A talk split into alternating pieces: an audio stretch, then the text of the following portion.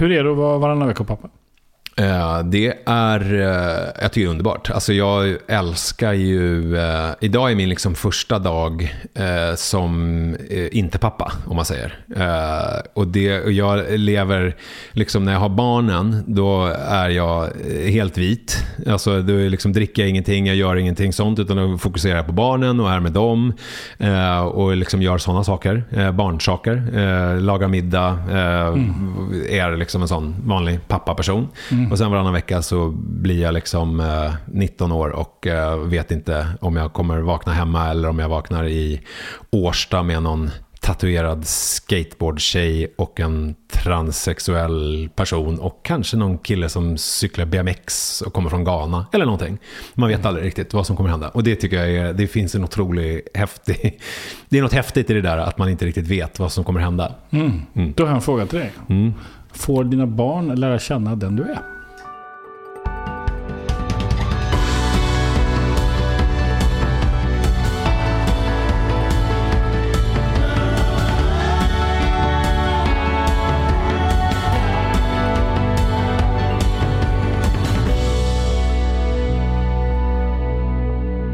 Varför tackar du ja att komma hit? Jag tackar ja. det, är, det är så jag har levt mitt liv. Tack, är det bra eller dåligt? Nej, jag skulle säga att det är bra. Okej. Okay. Det är en jag säger. Mm. Okay. Du ska på en pjäs ikväll. Ja. Vad heter den? Eh, det är Körsbärsträdgården av Anton Tjechov. Och Anton Tjechov är Uh, en, eller, han, han är nog fan min favoritdramatiker. Jag har ju lite bakgrund inom uh, teater. jag har uh, varit, drivit en teater bland annat. Mm, och jag har Dramalabbet, heter den. Det var en så här, fokus på nyskriven svensk dramatik. Mm. 20 år sedan som jag höll på med det. Och sen skrivit lite då på den tiden. Och fuskat lite som regissör. Jag var regiassistent på Dramaten en sväng. Mm. Och och eh, ja, tycker om teater. Jag tycker att teater är liksom den konstform som är allra sämst och allra bäst. Alltså det är liksom det är otroligt eh, låg lägstanivå. Men när det är eh, när det är som bäst, då är det liksom helt sjukt. Alltså då, då för då är det... Eh, och det och det lärde jag mig eh, när jag gick på den här eh, drama, eh, att skriva dramatik som var en folkhögskola eh, som mm. biskops Arne hade eh, som jag gick. Och för då var första terminen då var det att man skulle ta in jättemycket. Så då gick vi och såg jättemycket teater, vi kollade jättemycket film och vi skrev jättemycket. Alltså det var väldigt mycket eh, action och vi fick mm. liksom väldigt mycket föreläsningar och det var verkligen ta in. Mm. Sen så andra terminen då skulle man ge ut liksom. Men då, då kunde vi se ja, men, uh, ibland tre föreställningar föreställningar i veckan. Och då fick jag helt plötsligt ett otroligt så här, avdramatiserat förhållande till teater. Att man kunde liksom, du vet, man kunde glida in på Dramatens lilla scen en söndag eftermiddag, vara asbakis och sitta i mjukisbyxor längst bak och bara liksom chilla. Mm. Och då lärde jag mig att teater är kan vara jävligt tråkigt. Liksom. Mm. Men eh, när det är helt plötsligt på, eh, under en tre timmars föreställning så kan det vara en kvart som är så helt sjuk för att det blir något så här stört möte mellan två personer mm. på scenen som, och tillsammans med publiken som är liksom svårt att egentligen förklara vad det är som händer. Men det är bara helt plötsligt så bara stannar tiden och man bara och så är det att det liksom att helt plötsligt så får man uppenbarelser om livet och man ser sanningar som man liksom redan har vetat om men de mm. sägs liksom på ett nytt sätt så att man får liksom, ja, men någon typ av uppenbarelse. Alltså, och det tycker jag är, det händer verkligen inte varje gång jag går på teater men det händer tillräckligt ofta för att det ska vara värt att gå dit och testa igen. Liksom. Mm. Uh, alltså jag tycker att det, ja, det är skitkul uh, att gå på teater. Det som jag tycker är tråkigt är att det, man måste planera så mycket för att det är svårt att bara spontant gå på stora scen på Dramaten. Utan det är liksom, man måste, så här, som den här föreställningen nu, den bokade jag för en månad sedan. Alltså det, det man behöver eftersom det är så liksom mm. mycket fullbokat och man måste vara ute i god tid och sådär. Mm. Uh, det, tycker jag, det, är lite, det är lite tråkigt. Jag skulle vilja vara mer att man bara kunde gå in uh, på ett annat sätt och sätta sig. Uh, så. Affärsidé till teatrarna. Ja, verkligen. Bara fem platser. Som ja, det, det kanske finns. Det är bara att jag inte har koll på det. Ja, jag, jag blir nyfiken på vilket är ditt absolut bästa teaterminne? Oh, jag, jag, vi pratade lite innan du och jag Alex eh, och då nämnde jag ju Erland Josefssons sista föreställning i Målarsalen på Dramaten när han spelade eh, Krapps sista band av Samuel Beckett. När han, det är en pjäs när en gammal farbror i, jag vet inte vad han ska vara i pjäsen, eftersom den är ganska gammal så kanske han var sjukt gammal, typ 60. Men, eh, men tänk dig, Allan Josefsson var väl i 80-årsåldern. Och sen så går pjäsen ut på att han, att eh, huvudrollsinnehavaren, det är en monolog då, har spelat in sitt, eh, hela sitt liv, fört som dagbok, fast gjort det på en sån här gammal klassisk rullbandspelare. Mm. Så han sitter och lyssnar på sig själv. Så då är det liksom, han har, då är det förinspelat så att säga. Så han sitter och lyssnar på sin egen röst då, från han var i 30-årsåldern och liksom reflekterar över det som 80-åring wow. och över sina olika eh, tider och så. Den, det var ju mäktigt. Dels för att det var Allan Josefsson och dels för att det är en häftig pjäs. Jag associerar att det där var ju en terapeutisk process. Ja, verkligen. Alltså, alltså... Det, det, är ju något magiskt i det. Uh, mm. men, men sen Eh, så det fanns också, det är också, en del, många av de här grejerna är ju lite daterade, men Birgitta Egerblad som är en uh, koreograf som också gjorde en hel del bra Tjechov-grejer det är väl en 15 år sedan typ, eh, när hon, det var liksom kombinerad dans med teater. Och det finns något häftigt med när vanliga inom citationstecken skådespelare dansar. Alltså när det inte är dansare, mm. alltså när de uttrycker sig. Mm. Anna Vnuk som också är koreograf som har jobbat en del nu på senare tid med de här Grotesco-gänget. Eh, och har, har, även gjort koreografi till typ Melodifestivalen och. Att när, när det är liksom vanliga människor som uttrycker sig med rörelser. Eh, det blir något, det blir mm. något jävligt häftigt i det tycker jag. Och den här mm. föreställningen jag ska se ikväll, det är en tysk regissör som jag nu har tappat namnet på. Eh, han jobbar också mycket med liksom, rörelse och sådär. Så det ska bli, ja, det ska bli häftigt som fan. Mm. Eh, så att hennes föreställningar. Och sen så fanns det en som eh, hette Arbetarklassens sista hjältar med Börje Ahlstedt och eh, Mikael Persbrandt som eh, Stig eh, Larsson satte upp. Uh, och hade skrivit... ja, men det var ju riktig korv, korvfest. Ja, mycket. Uh. Men den var också... Alltså, när de här riktigt häftiga skådespelarna, alltså som inte riktigt finns längre på samma sätt, alltså mm. de här som är larger than life, mm. när det kommer en regissör som kan liksom Hantera, mm, hantera dem och göra det. Torsten Flink pratar mycket om, även om han sällan praktiserar i, i, i praktiken, men pratar mycket om så här, största möjliga låga genom minsta möjliga ventil. Mm. Eh, och när det händer, då blir det ju häftigt. Liksom, eh, när det finns mycket där bakom. Så det var också en jävla upplevelse. Mm. Största möjliga låga genom minsta möjliga mm, ventil. Ja, det är en svets, en svetsliknelse. Ja, ja. Det är ju en cool liknelse. Sen såg jag också Stormen här. Det var i, också en jättehäftig föreställning av eh, Staffan Valdemar Holm. hade satt upp Shakespeare Stormen. En så här, hade kunnat bli riktigt pajig för det var alla skådespelare var helt vitsminkade och vitklädda. Och så delar de på rollerna och man fattade inte när de gick in och ut. Så det började med att den här patriarken, som det ju handlar om en diktator, det är liksom kolonial eh, historia. att han att det var liksom den manliga äldre skådespelaren som spelade honom och man kände så här, okej, okay, han har pondus. Men sen så helt plötsligt så betedde han sig jättemärkligt och då fattade man så här, men nu är han en liten flicka. Och sen så var det helt plötsligt den unga tjejen i 20-årsåldern som mm. var den där diktatorn. Fast det kommenterades liksom aldrig. Och så ja, gjorde de det jävligt snyggt och de verkade ha väldigt roligt och var inspirerade. Och det tycker jag är mm. häftigt också, när man märker, att de, ja, när de har skoj själva, skådespelarna. Ja. Ja, jag, såg, jag, kom, jag, jag, är inte lika namnkunnig som du, men jag, jag såg en, en, av de finaste föreställningarna jag har sett är också därför att livet klev på. Det är en pjäs som heter Freud cigarrer. Mm, på en liten teater på Götgatan. Mm. Eh, Jonas någonting, tror jag han hette, skådespelaren. Mm. Monolog. Mm. Och då, ungefär halva föreställningen gått. Då, då, då ska han då gestalta när Freud åker till Wien. Eh, och, då, och då blir eh, liksom sittraderna blir då en, liksom en, en metafor för tåget. Och ja, ja, ja. som åker tåg. Det. Och så helt plötsligt så hör man ljudet av en ölburk som öppnas. Mm -hmm. Mitt i allt. Så här. Mm. Nu är det bara liksom, tre stolar bredvid mig. Mm. Och, så, och så tittar jag, liksom, då ser, då ser jag snubben som har mm. någon pajsare som ja. har dragit upp en öl. Ja, liksom. ja. Så här, ja, det var ju trevligt tänkte mm. jag. Mm. Liksom så. Och så gick det en stund, jag såg Jonas reagera på den. Lite mm. så här.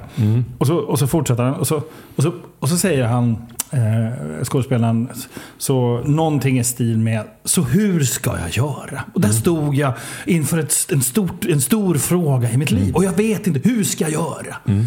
Ja men det är väl för fan bara bestämma sig. Säger liksom liran från, från publiken. Liksom, och då inser jag, aha, han är inte nykter. Mm. Så, eh, och, eh, och han finner sig i det här.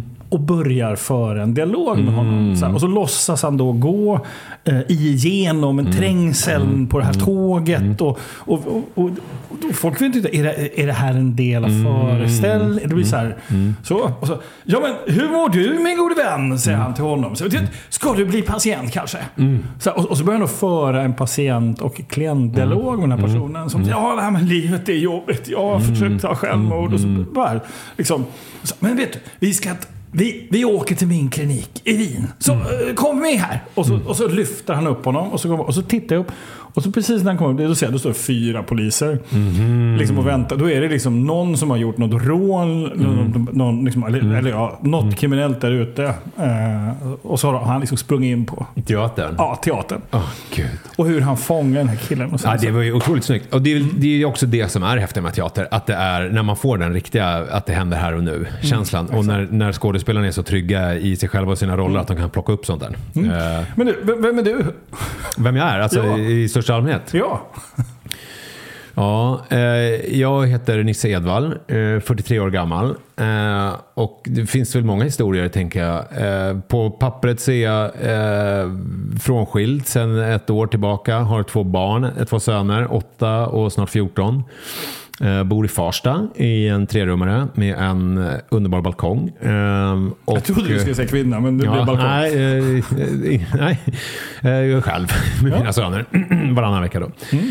Och det är det. Och sen så är jag också eh, någon slags eh, frilansande Eh, liksom, vad ska man säga, media. Jag har ju haft en jävligt brokig bakgrund. Jag hade den här teatergrejen och sen så har jag varit programledare på tv och radio och jag har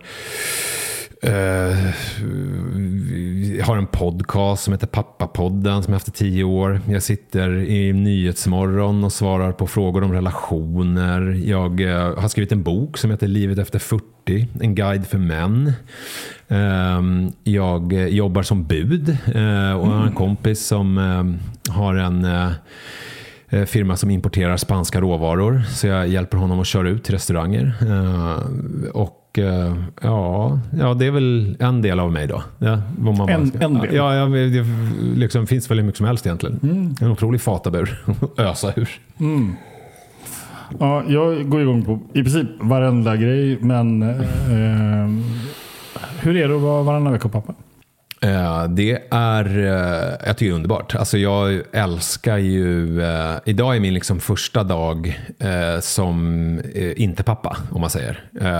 Och det, och jag lever, liksom när jag har barnen, då är jag helt vit. Alltså då liksom dricker jag ingenting, jag gör ingenting sånt, utan då fokuserar jag på barnen och är med dem. Eh, och liksom gör sådana saker, eh, barnsaker. Eh, lagar middag, eh, är liksom en sån vanlig pappaperson. Och sen varannan vecka så blir jag liksom eh, 19 år och eh, vet inte om jag kommer vakna hemma eller om jag vaknar i Årsta med någon tatuerad skateboardtjej och en transsexuell person och kanske någon kille som cyklar BMX och kommer från Ghana eller någonting. Man vet aldrig riktigt vad som kommer hända och det tycker jag är, det finns en otrolig häftig, det är något häftigt i det där att man inte riktigt vet vad som kommer hända. Då har jag en fråga till dig. Får dina barn lära känna den du är? Eh, ja, det skulle jag verkligen säga att de får göra. Eh, men de får inte... För, eh, för, de, häng, förstår du min fråga i det? Ja. För är det, är det du, alltså ja det, det är klart att det är du sådär. Men den här sidan som du har, liksom det livet du lever när du inte liksom är, pa- när inte är pappavecka.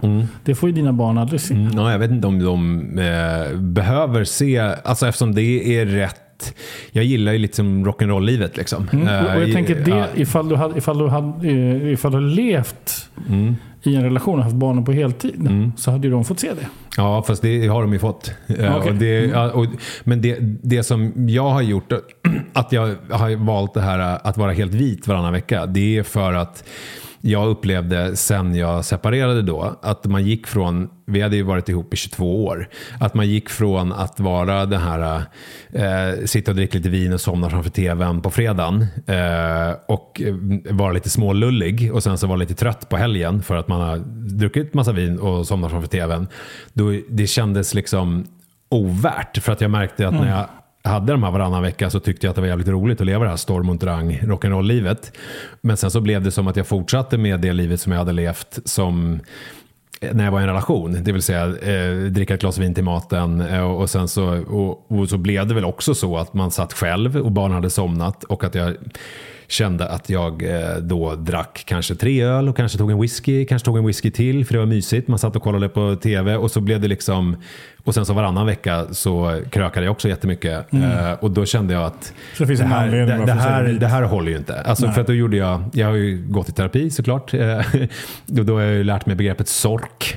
Alltså man gör en sån här Eh, vad står det för? Det står för situation, organism, eh, kort, nej, reaktion, kortsiktig konsekvens, långsiktig konsekvens. Och jag tycker den modellen, om man applicerar den på, kan man applicera på allt i livet. Mm. Eh, så brukar jag göra det ganska ofta på olika saker som jag gör. Mm. Eh, alltså, det här händer, eh, hur reagerar jag? Eh, hur känns det när jag reagerar så? Och vad får min reaktion för kortsiktig konsekvens och vad får den för långsiktig konsekvens? Och då när jag gjorde det på mina alkoholvanor så märkte det, jag... Det där kallas även för funktionsanalys inom ja. KBT om du undrar. Ja, och då så märkte jag ju att om jag fortsätter så här så kommer jag ju, vare sig jag vill eller inte, vara antingen ha skrumplever eller vara spritt alkis inom eh, två år. Mm. så då bestämde jag mig för att äh, men nu kör jag helt vitt när jag inte har barnen. Så kan jag liksom eh, köra på när jag Nej, helt vitt när jag har barnen. Och köra på när jag inte har barnen. Nu? Ja, precis. Och det funkar ju skitbra. Eh, jag tycker det är underbart. Mm, du har separerat ett år. Ja, precis. Va, vad var det som gjorde att, eh, liksom, att ni valde att lämna varandra? Uh, det var för att vi eh, var som syskon. Alltså vi har en jättefin relation nu. Den är liksom bättre nu. Mycket bättre alltså, än vad den var innan. Det var liksom ja, men inget sex, inga liksom framtidsplaner, ingenting. Det var bara liksom tristess och grå vardag. Och så har vi gått i terapi i omgångar jättemycket och sen så var det till slut när vi satt i terapin så bara lite, nu överdriver jag lite, men lite så här, men vad fan, vi skiljer oss. Nu är vi 40. Mm. det, ska vi göra det ska vi göra det nu. Mm. Uh, grovt förenklat. Men jag menar, jag tycker att vi har ju en mycket bättre relation uh, nu än vad vi hade innan. Vi pratar mm. jättemycket. Och hur, hur har din, din, din, din uh för då, eh, grabbarna var, det är två pojkar. Mm. De var ju 7 och 13. Liksom. Wow. Eh, hur, har de, hur, skulle de, hur skulle de se på det? Jag tror, att, eh, jag tror att det är två helt olika reaktioner. För det är, är ganska mycket med sex år när man är liksom i den åldern. Så att säga. Så jag tror att den äldsta, han tycker att det är ganska nice. För han märker att vi mår bättre och mm. har liksom roligare. Plus att han är väldigt självständig. Så han är mycket mer vill att vi ska träffa någon ny för att han vill ha småsyskon. Uh, eh, så det är liksom hans grej. Så bara när man, ja men eh, nu, nu okej, okay, träffa henne, okej, okay, kommer, kommer ni skaffa barn? Alltså sådär, när man har varit på en dejt typ. Eh, uh, Medan uh, lillkillen, han är ju mycket mer, uh, dels är han en annan person, han är mycket mer känslig och sen så är han ju yngre så att han uh, kan väl inte på samma sätt eh, reflektera över sig själv och sina känslor. Så han, han har det nog tuffare. Alltså, liksom, även om han inte förstår det. Vi märker det i skolan, det är mer stök. Alltså, det är mer liksom, som kommer ut på andra sätt än att han säger rakt ut jag vill att mamma och pappa ska bli ihop igen. Utan det kan vara liksom att det är jobbigt vid de här övergångarna. Eh, och det är, jag och mitt ex trivs väldigt bra ihop så att vi har ju oftast så här spontanmiddagar att man liksom bara ses och käkar middag. Och då har vi ju märkt att det är inte så jättebra med honom. Alltså man måste mm. liksom inkludera honom mer i det än att mamma helt plötsligt kommer över att, eller att jag helt plötsligt kommer hem till dem. För då mm. blir det som en krock för honom. För att nu är vi hos mamma och, mm. och så, ja, så kommer pappa, vad gör han här? Så att där, har vi ju bestämt att vi ska inkludera honom. Alltså pappa ja, kommer hit, bara mm. så att du vet det. Eh, så att han, för att vi kan ju inte inte träffas. Alltså vi tror ju att det på sikt är ju jättebra att vi har en fin relation eh, och att vi ses. För det är, det är, det är ju så för barn med separerade föräldrar så det är en ständig saknad. Man saknar ja. alltid någon av ja, föräldrarna. Exakt. Och ju, ju, mer man kan involvera dem mm. i sådana beslut desto mm. bättre. Ja. Det behöver man ingen sork för, för att förstå. Nej, nej men man kan göra en sork. Man kan göra en sork på det också. man kan sork på allt. Eh, pappa på den, har hållit på i tio år sa du? Ja, drygt. April 2013. Eh, jag blir så impad av folk som kommer mm. ihåg sånt där. Varje vecka, varje måndag. I, I tio drygt tio år. Mm. Ja, imponerande. Mm. Jag är nyfiken på varför startade det? Uh, det är inte varför jag, utan det är varför vi, mm. uh, eftersom vi är två. Uh, och det var att jag var då programledare 2011 där någonstans för ett radioprogram som heter Ligga med Petre Samtalet. Som var mm. din generation och min generation minns ju Knesset. Mm. och det var som ett Knesset fast om sex i radio. Så vi hade en panel med liksom lite färgstarka personligheter som pratade om något specifikt Alltså vi pratade, nu pratar vi sex minuter om att, eh, hur det är att vara tjej och cykla. Hur, hur känns det egentligen med saden mot fittan sådär? Alltså, mm. liksom sådär, vi tog upp sådana frågor som man typ undrar. eh, och, eh, och så pratade vi om det bara. Och grottade Och jag tyckte det var väldigt roligt för att jag, jag försökte ha en väldigt så här, eh, osexig framtoning. Alltså så att det var inget sexigt program utan det var väldigt så här, eh, hur funkar egentligen analsex när man är bög. Alltså, alltså mer liksom så. Krasst. Ja, väldigt krasst. Liksom. Eh, och då var Manne Forsberg, då, som jag gör den här eh, podcasten med, han skrev en bok för drygt 20 år sedan som heter Kukbruk. Så han är sexualupplysare, eh, så Just han det. föreläser på skolor och det var därför han kom med i det här sammanhanget. Då. Så han var panelmedlem i det här sexprogrammet. Och då blev det sådär att vi klickade jättemycket. Mm. Och eh, för att göra en lång historia kort ville väl komma på något sätt att typ schemalägga umgänge på arbetstid. och då hade det här podcastgrejen dragit igång. Alex och Stigge hade precis dragit igång och Filip och Fredrik hade haft sin och Hanna och Amanda och sådär. Så bara, det här är ju skitsmart. För då kan vi sitta och gaffla eh, och göra det vi älskar, det vill säga sitta och snacka. Mm. Eh, och så gör vi business av det. Mm. Ja, och så gjorde vi det. Mm. Och sen fortsatte vi bara. Mm. Och det har blivit lite sådär, för att dra en parallell till den här Krapps sista band, att ju längre man håller på desto svårare är det att sluta. För att det blir ju som en det blir liksom som att längden på projektet blir liksom större än varje enskilt avsnitt. Alltså att man kan gå tillbaka och lyssna på Mannen jag är bättre på det än vad jag är, men liksom lyssna på hur man resonerade och tänkte när man var liksom mer 30 och var småbarnsförälder på ett helt annat sätt än vad man är nu. Liksom. Mm. Eh. Hur skulle du säga att podden har förändrats sen du skilde dig? Uh, det är mer Tindersnack. Uh, alltså den har ju förändrats, kanske, det är klart att den har förändrats jättemycket eftersom jag nu inte längre lever det här tvåsamhetslivet. Så det, mm. det, påverkar ju såklart innehållet eftersom innehållet är ju mitt liv. Mm. Uh, men jag tror framför allt så har väl podden påverkats av att våra barn blir äldre. I början så är det ju när barnen är så små så att det är mer generella saker de går igenom. Mm. Då är det lättare att lämna ut dem också. Alltså då kan man ju prata om liksom, trots ålder eller liksom utbrott på ICA eller vad det nu kan vara på ett annat sätt än när man har en son som är 14 och som har något slags eh, problem med kärlek eller någonting. Det kan man inte liksom, på det sättet kan man inte snacka om. Så det blir kanske mer fokus på oss i, i relation till barn men också till livet i stort. Liksom. Mm. Eh, sen har i och för sig Manne fått en sladdis som är ett och ett halvt nu, vilket är ju mm. ganska bra för innehållet i podden. För då kan vi prata lite dagis och, och blöjbyten och sådär också. Mm. Jag tänker på, för, att, för tio år sedan, jag, eh, 2008 skrev jag tre barnböcker. Mm. Jag var, kul att prata med dig om det, därför att det, det var Eh, jag blev farsa och upptäckte att liksom, böckerna som finns mm. till åldern tre år men, männen, papporna, skildrades mm. ganska märkligt. Mm. Jag, jag varken, alltså, frånvarande Alfons-pappa. Eh, ja, eller, eller, eller klassiska... kung, kung söder, i söder, Söderhavet. Liksom. Ja, men den här Dick eh, Sundvall var det ju också. Hans Just klassiska det. barnbok där med att man, det var mycket så här, ta en whisky och sådär. Ja, jag känner inte igen mig i den. Nej. Liksom. Nej. Och, och, och då fanns det en bok som, heter, ja, som handlar om en bebis som vaknar, öppnar en väska, ut mm. ramlar BMW-nyckeln och mm. pengar mm. och viktiga mm. papper. Mm. Sen blir barnet ledsen, mm. går in till sängen och blir tröstad av sin mamma. Mm. Pappan ligger som anonym. Just det korv mm. äh, där mm. bak. Liksom. Mm. Och jag kunde inte relatera till det. Nej. Och då, äh, ja, då skrev jag en bok som, är en, fotobok som, som heter Pappa hämtar. Mm, just det.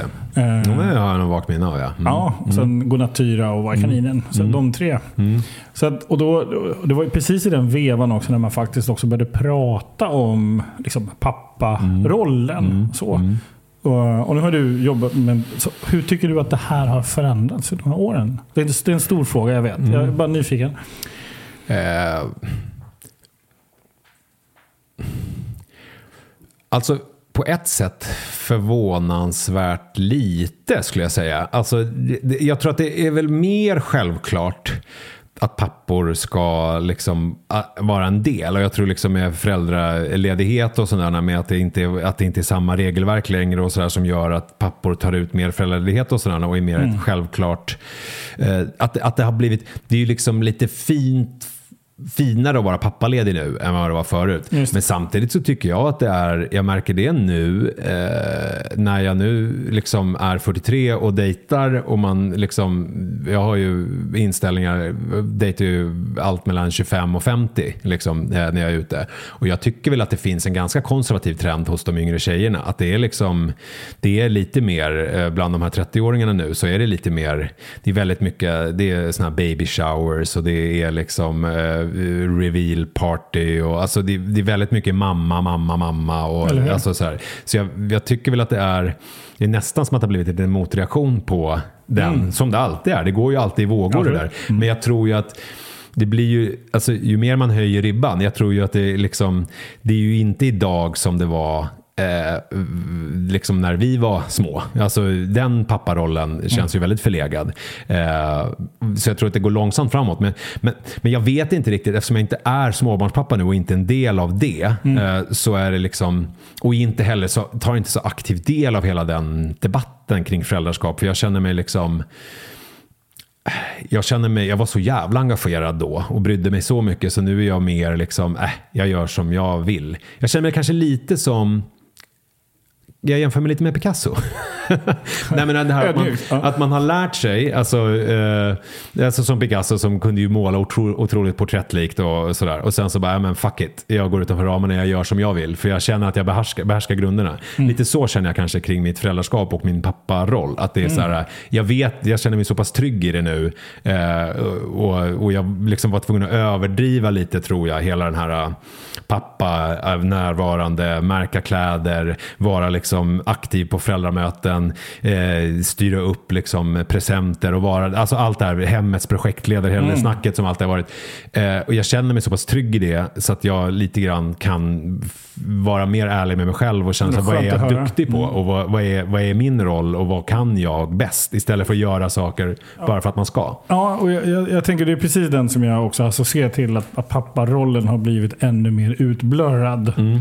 i det här. Eh, det. det. som har varit att, att, att, att idag ser man ett spann liksom där, där, där liksom papporna till och med är mer mammiga än mamman någonsin har varit. Ja. Och sen har du liksom den andra extremen, så, där, mm. pappan överhuvudtaget inte är närvarande. Mm. Och det här är ganska intressant, för att mm. det här är ju också, tangerar ju någonting som jag däremot tänker ganska mycket på. Det är ju att det finns ju en diskurs idag att manligheten är i kris och att det liksom mm. är så här, vad är en man och sådär. Mm. Och jag, jag personligen kan ju inte fatta det alls. Alltså, för jag tycker ju att det är eh, för att eh, hur fan ska jag förklara det här då, utan att det låter liksom flummigt? Men alltså att man man kan vara eh, en man som gör väldigt manliga saker traditionellt. Eh, samtidigt som man är väldigt kvinnlig. Alltså det finns liksom, jag tycker inte att det finns någon eh, diskrepans mellan de två grejerna. Jag tycker Nej. att det liksom är eh, eh, du frågade lite innan om mina halsband och lite sådana här grejer. Mm. Och det är liksom, det här är, Eh, det, är, är någonting som har växt fram. Jag, jag har, är liksom, det, det är mycket hjärtan och dödskallar. Mm. Och det började med att jag, jag kommer komma till varför det här har med manlighet och kvinnligt att göra snart. Jag är här och lyssnar. Eh, det började med att jag eh, kom på en dag att jag hade en dödskalle i ena örat och ett hjärta i andra örat och liksom inte riktigt hade reflekterat över varför jag hade det. Mm. Eh, det, det, var bara någonting som hade hänt på något vis. Och sen så, så hade jag det här halsbandet då på den tiden som är då en ett hjärta, alltså det är en kärleks, ett kärlekspiller. Så det är liksom en, mm. det ser ut som en, för er som nu lyssnar, det ser ut som en Alvedon.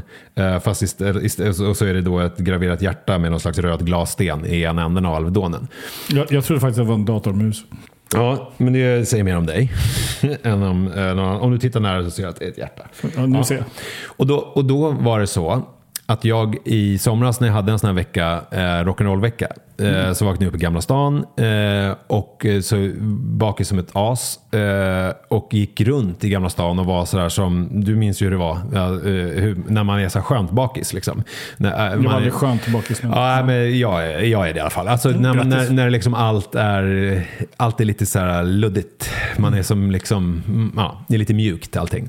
Och jag gick runt och sen så helt plötsligt så kom jag in i en, ett galleri.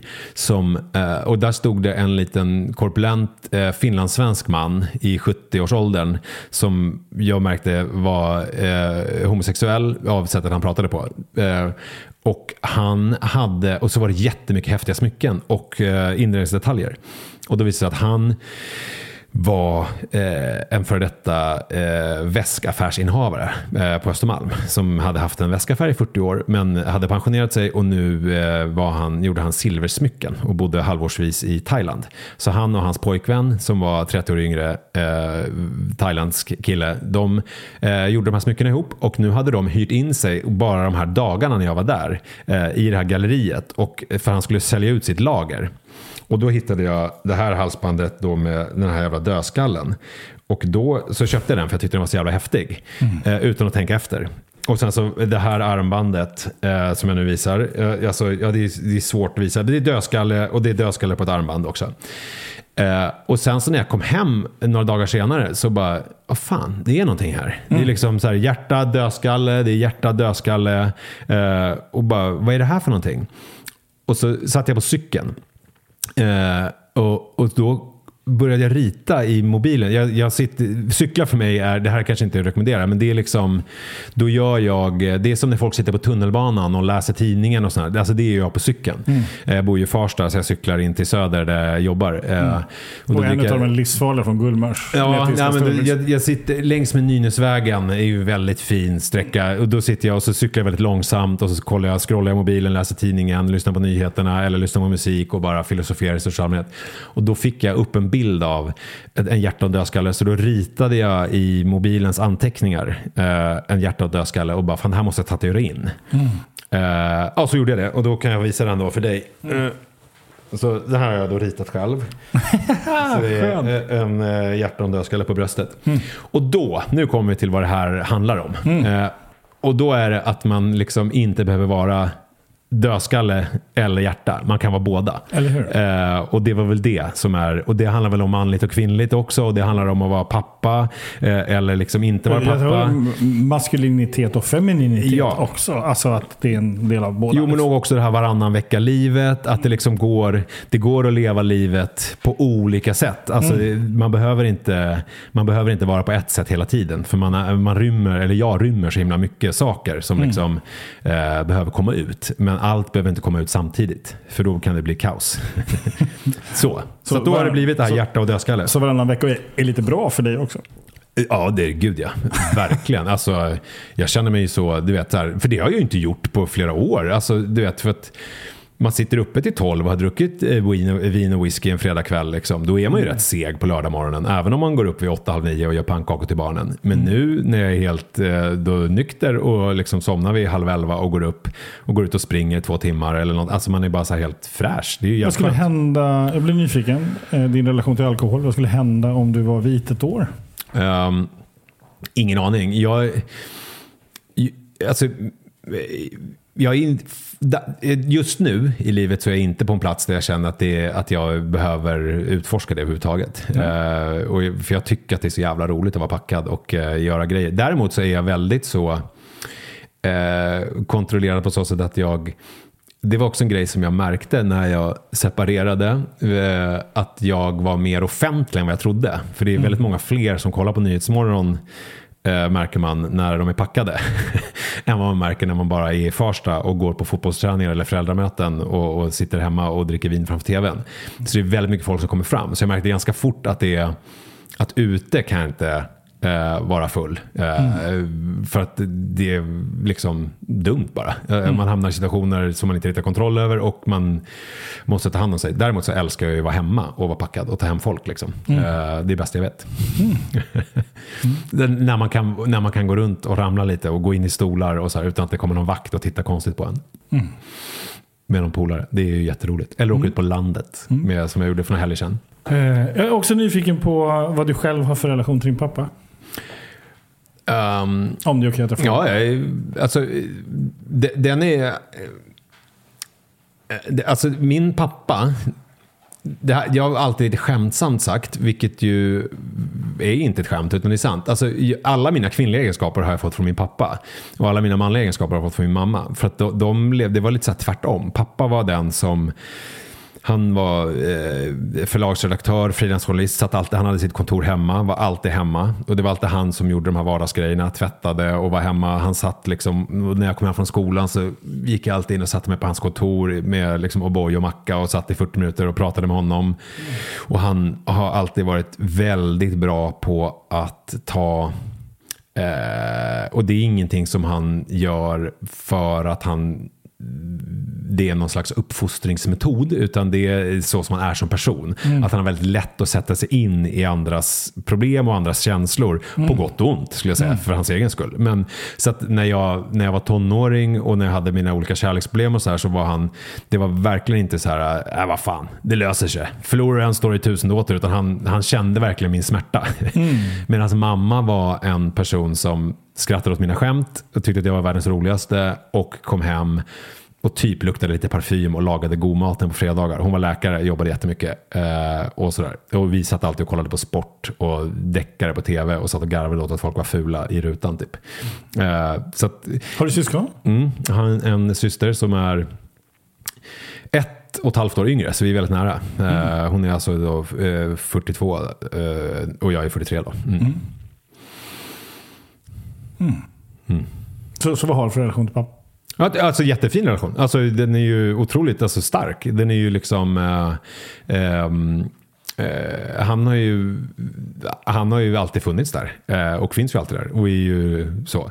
Sen är, är min relation till mina föräldrar är väl väldigt mycket att jag har en relation till dem. Att vi kan gå ut och käka middag och ha kul ihop. Antingen jag och mamma bara, eller jag och pappa, eller vi tre. Däremot så är det svårare eh, med liksom umgås familjevis. Alltså att jag, jag är fortfarande liksom inte ett barn i det bemärkelsen att jag är barnslig, men jag är fortfarande liksom en individ som hänger med de två. Eh, men det, det flyger inte riktigt lika bra när vi hänger, liksom, när hela familjen är med. När jag liksom är pappa. Och är, då, då blir det någon typ av krock. Och där upplever jag att syrran som var mycket mer självständig och, och gjorde mycket mer tonårsrevolt och var mer en klassisk tonåring. Medan jag var ju mer Ja, jag var ju stökig och ett klassiskt tonåring, men jag var ju, hängde med dem jättemycket. Jag älskade deras kompisar och sådär.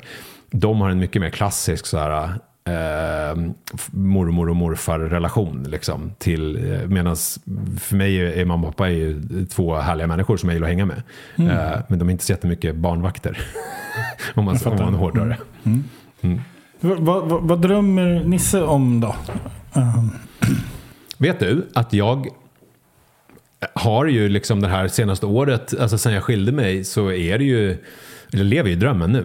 Jag gör det. Alltså det är ju, jag har aldrig mått så bra i hela mitt liv. Eh, eller ja, när jag var ton, när jag typ gick gymnasiet, då mådde jag så här bra. Men jag menar annars så, just det här som jag beskrev, att man har den här tryggheten. Jag har barnen, jag har liksom en jättefin relation till mitt ex, jag har min lägenhet och jag har det här äh, stabila budbilsjobbet som gör att jag alltid har liksom råd med mat och hyra och sånt där. Och sen så samtidigt har jag mina olika fladdriga projekt där jag liksom skriver en bok eller håller på med något konstigt men jag behöver inte kompromissa, jag kan göra vad jag vill eh, på den fronten. Och jag eh, har den här varannan vecka när jag kan vakna upp då. Vad var det jag sa i Årsta med de här eh, gambianska BMX-förarna eller vad jag sa. Alltså att det finns liksom, det finns liksom inga mm, hinder. Alltså jag känner att allt är möjligt typ.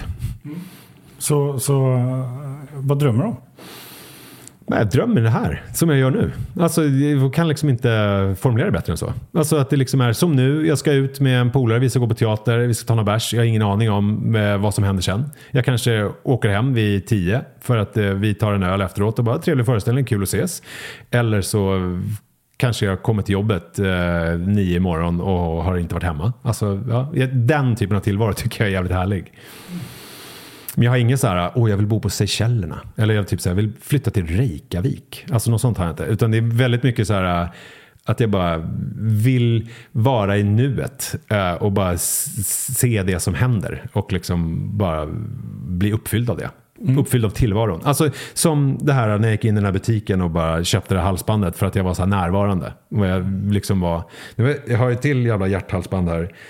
Det var för två veckor sedan så var det firmafest med det här budbilsjobbet. Då var vi på Söder eh, och så skulle vi gå från ett ställe till ett annat och då skulle jag gå och köpa cigg inne på Konsum. Eh, och då så hade jag betalat i kassan och sen så bara helt plötsligt så ser jag ytterligare en farbror. Det är tydligen min grej då, att se äldre farbröder med silversmycken. Som bara står med liksom ett sånt här bord precis utanför kassalinjen. Med otroliga silversmycken.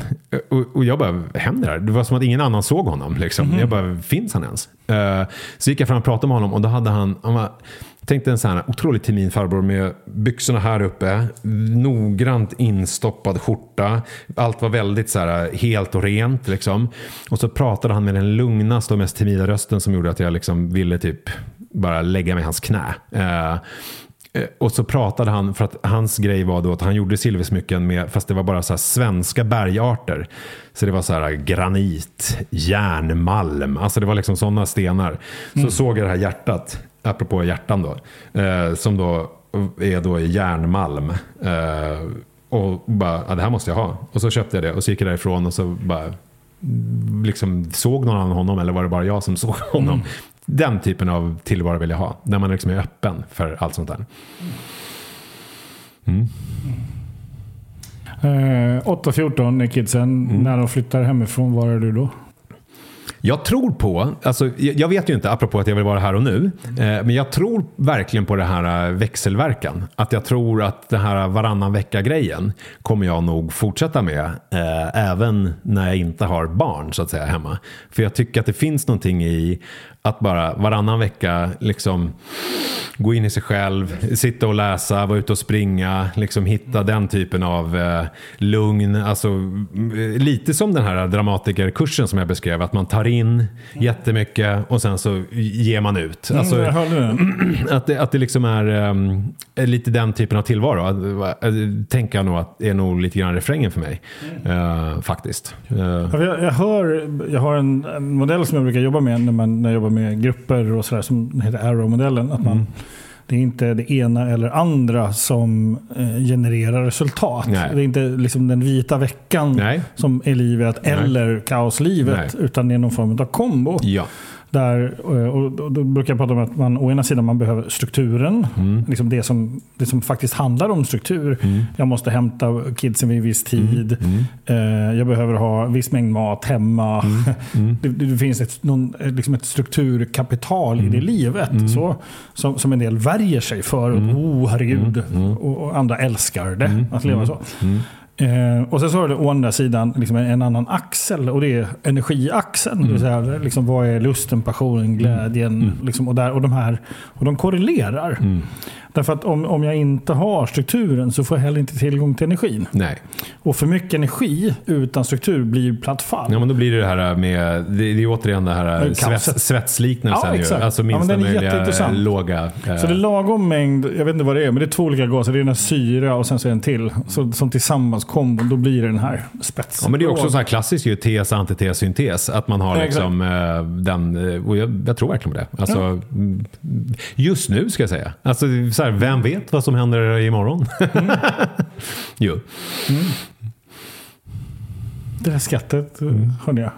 Vad, vad var det? Ja, men det var att det, att det är, jag vill inte heller låsa upp mig vid någonting. Alltså jag vill inte, um, jag vill inte säga att det ska vara så här eh, jämt. Eh, men det känns väldigt bra just nu. Eh, och jag, det är väl någonting som jag trivs väldigt bra med också. Att inte tänka, åh nu ska jag vara så här resten av livet. Eller åh nu, utan att det är så här, just nu känns det här jättebra. Men också vara öppen för att helt plötsligt står en gubbe och säljer silversmycken med eh, svenska bergarter. Eh, och okej, men nu kanske jag ska göra så här istället. Jag, jag hör också att du är väldigt mån om det du har hittat. Ja, just nu ja. Ja, Ja. verkligen. Ja, Ja. Jo, men det, så är det. Jag är väldigt nöjd och stolt över det och glad. Eh, för jag vet att du pratade lite innan om, vi pratade lite om när man går i terapi. eh, att, och du sa det här med att ofta blir det så att man går till terapeuten och sen så går man därifrån så händer ingenting och så går man till terapeuten igen. Eh, men att är det någonting som jag har lärt mig via terapi och annat så är det ju så här att jobbet måste man ju göra själv. Alltså man, kan få, man får ju verktygen och man får liksom, som en sån här sork till exempel. Alltså så här, den kan man ju få. Men sen så att faktiskt verkligen applicera den på sitt eget liv och använda sig av de här verktygen. Eller som... Eh, Ja, Det, det är det som är en terapeutisk process. Ja, och, och, och i mitt fall så är det, är det väldigt mycket också att jobba med aktiva beslut. Alltså att, att saker, trots att jag då att jag då till synes bara låter saker hända men att jag liksom eh, faktiskt aktivt eh, fattar beslut om vad jag vill och vad jag inte vill. Ja, Eh, och de här aktiva besluten, hur hänger det ihop med din 22-åriga relation? Eh, ja, det är ju inget aktivt beslut. Eh, det, det var ju en... Eh, eh, då kan man ju säga att, eh, att hela den 22-relationen För, för det är ju lång tid. Ja, det är en lång tid. Alltså det, det var... Eh, jag skulle säga att fram till för... Mm, ja, fram till egentligen, man kan ta skilsmässan som eh, en, eh, en sån otrolig brytpunkt i mitt liv. Eh, för skilsmässan var inget aktivt beslut från min sida. Utan det var, helt plötsligt så satt jag i den här terapin och kände bara, eh, jag vill skilja mig. Alltså, Mm. Men det var liksom ingenting, det var ingenting som jag hade gått och grunnat på. Det var ingen tanke som hade föresvävat mig tidigare. Det var liksom, det bara plopp. Eh, och då har jag nu liksom reflekterat över mitt liv och förstått att det är så jag fattade alla mina beslut tidigare. Att det är liksom det har pågått saker här inne. Eh, men jag har inte varit medveten om det och sen så helt plötsligt så händer det någonting. Och, och jag har alltid burit på en känsla av att jag är otrygg och att jag är liksom eh, jag har dålig självkänsla och att jag är eh, ja, men dålig i största allmänhet inuti. Liksom. Och, men har jag nu förstått att att det är inte alls, utan det som har hänt är att jag har eh, följt mina impulser och varit väldigt impulsiv och fattat väldigt impulsiva beslut. Men jag har varit så stark och trygg i mig själv så att de där eh, impulsiva besluten har lett till liksom barn och äktenskap och lång, alltså så här, trygghet och hem och familj och sådär. Eh, men det har liksom aldrig varit, det har aldrig varit så här, barn vill jag ha eller så här, fru vill jag ha eller, eller liksom bil bil vill jag ha eller lägenhet vill jag ha. Utan det har bara varit, det har bara hänt. Och det är samma sak med min karriär, den har också bara hänt. Det har liksom aldrig varit så här, och jag drömmer om det här. Jag har aldrig drömt. Och nu är det ju liksom nu är, är jag, eh, apropå det här med eh, hjärta och dödskalle, så är jag ju en väldigt så här på ett plan torr och vetenskaplig person som älskar liksom eh, eh, nah, men älskar så här fakta och vetenskap och inte flummeri. Eh, men eh, sen har jag också förstått nu att jag älskar flummeri, men jag älskar också vetenskap. Och då är det ju att jag har förstått att mycket av det här, alltså att mitt liv har varit så, beror på att jag har ADHD. Vilket eh, diagnosen fick jag alltså för en vecka sedan. Så det är väldigt nytt. Eh, är det okej för dig att vi pratar om det? Ja, ja, gud, jag har ju gått ut med det i alla mina Zoomi-kanaler och allting sådär. Så att det, det är verkligen, och jag pratade om det i podden. Så att det, eh, och, då är det ju, och då får man ett ganska torrt och vetenskapligt namn på ens liksom mm, egenskaper och förmågor. Men precis på samma sätt som när Max Tegmark, den här fysikern, var astro, vad han nu är, i- som titel, att han, han har beskrivit så fint tycker jag att bara för att han vet exakt varför en solnedgång är vacker, alltså vad det liksom är för kemiska ämnen som eh, medverkar till att en nebulosa bildas på himlen eller att, liksom, att solstrålarna bryts på ett visst sätt. Så för honom så förtar ju inte det känslan av att det är vackert. Och precis på samma sätt så känner jag med min ADHD-diagnos. Att det liksom är bara för att jag vet att det liksom är kemi i hjärnan och elektricitet och att det handlar om olika dopamin och, och eh, serotoningrejer eh, så förtar ju inte det liksom känslan av det och liksom min upplevelse och hur jag är som person. Ehm, så, eh, så som svar på den frågan då med eh, eh, det här med aktiva beslut så är det ju att jag har ju förstått att jag har haft väldigt svårt att fatta aktiva beslut för att jag har liksom en diagnos som innebär att jag har då bristande impulskontroll och svårt med känsloreglering enligt ett papper som jag har fått. och, och då när jag vet om det och liksom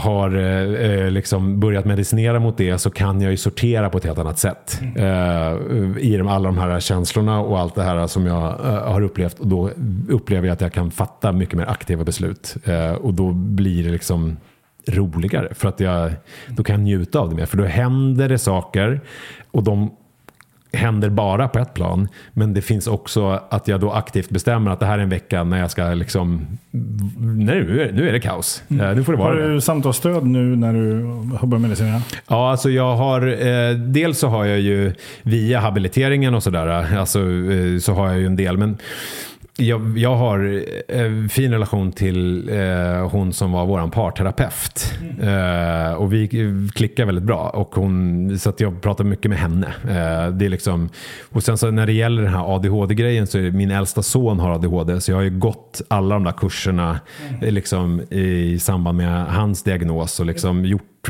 allt det där. Eh, så att jag, det, det, känner jag till lite grann. Och jag menar, mm. För det, fin det finns ju en sån här som jag som det pratas för lite om när man har fått ADHD-diagnosen och börjar medicinera. Mm. Det plötsligt får man tillgång till en ny energi. Mm. Alltså man orkar mer.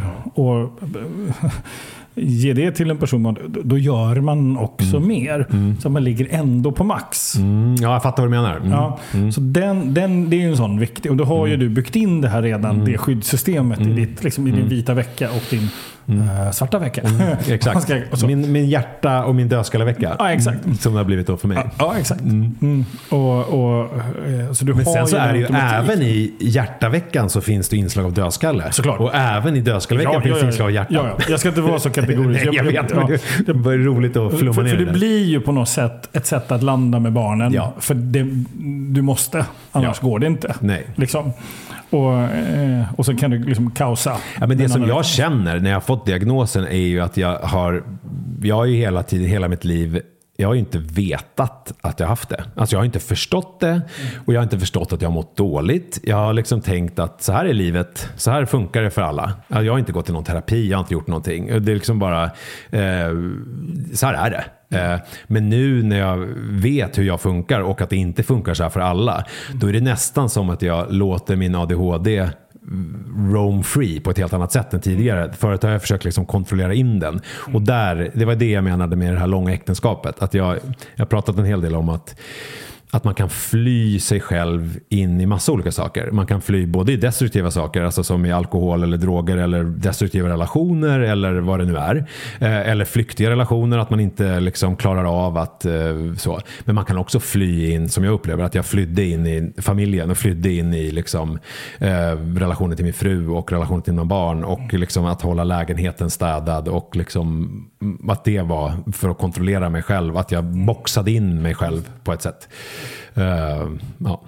Men du fick diagnos för en vecka sedan. Mm. Vet du vad jag skulle vilja göra? Nej. Jag skulle träffa dig om ett halvår. Ja. Och prata med dig om det. Ja, det är jättespännande. Då ska man säga att jag fick diagnosen för en vecka sedan. Det är en sanning modifikation. För det var så här. när jag fyllde 40, alltså för tre och ett halvt år sedan i den vevan. Då blev jag sjukskriven på halvtid för jag hade en utmattningsdepression. Jag gick in i väggen. Och då ville de utreda mig för ADHD. Och jag gjorde allting. Ehm, de, alla de här långa testerna och de sa så här, ja men du ska ju såklart utredas. Och sen eh, kom det någon slags pandemi. Den, ja. om du minns den.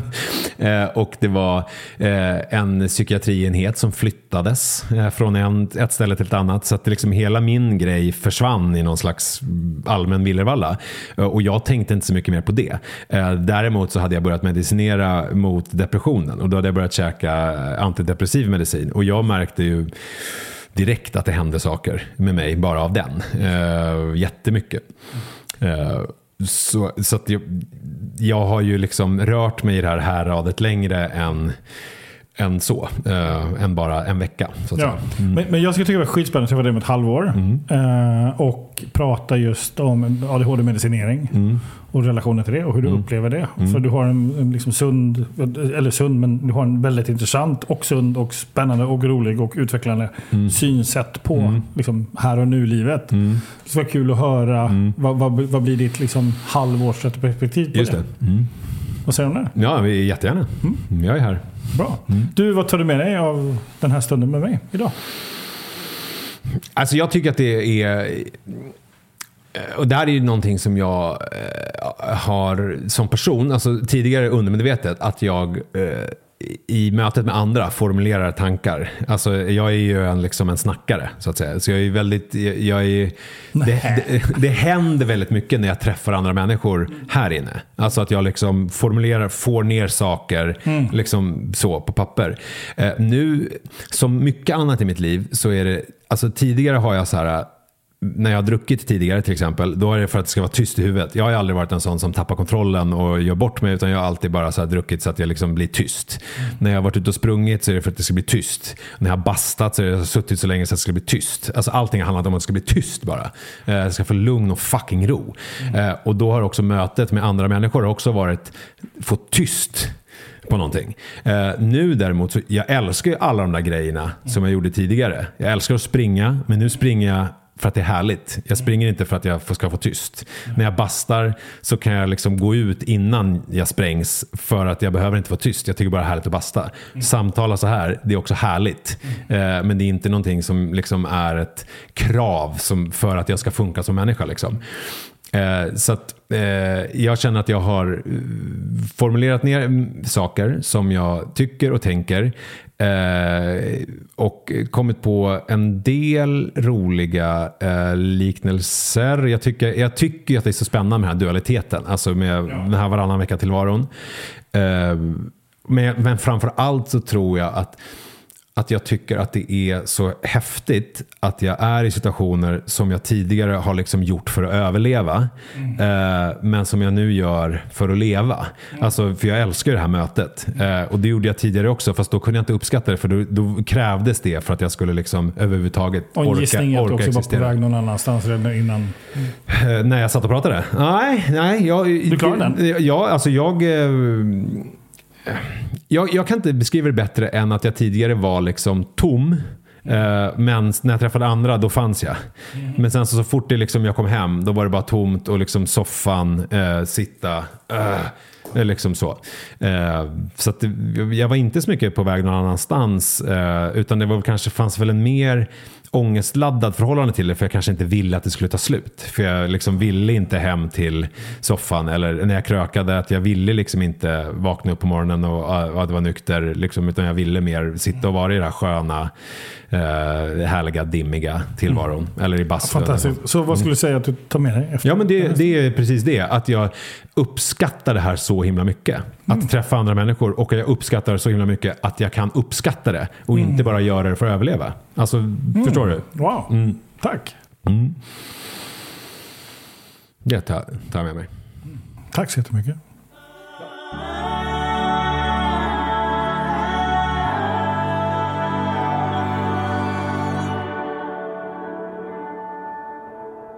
Du har precis hört mig, Alexander, coacha ännu en människa. Och jag blir nyfiken vad som hände hos dig när du lyssnade på det här avsnittet. Passa på att ta det här tillfället i akt att stilla dig en stund. Skriv ner, reflektera. Vad var det som gick igång hos dig? Vad var det du lärde dig? Vad var det som blev viktigt för dig? Hur kan du använda det i din vardag? Sen hoppas jag att du kan hjälpa mig att sprida den här podden till fler som du tänker behöver den. Sprid det här avsnittet i dina kanaler. Skriv en recension eller en kommentar vad podden har gett dig. Tack för att du delar. Tack för att du lyssnar. Vill du också lära dig och bli bättre på att leda den här typen av samtal som jag håller och att coacha på riktigt, ja, men, gå in på alexanderholmer.se och pröva någon av våra digitala kurser eller fysiska utbildningar. Eller hör bara av dig om du har en fråga. Återigen, tack för att du lyssnar.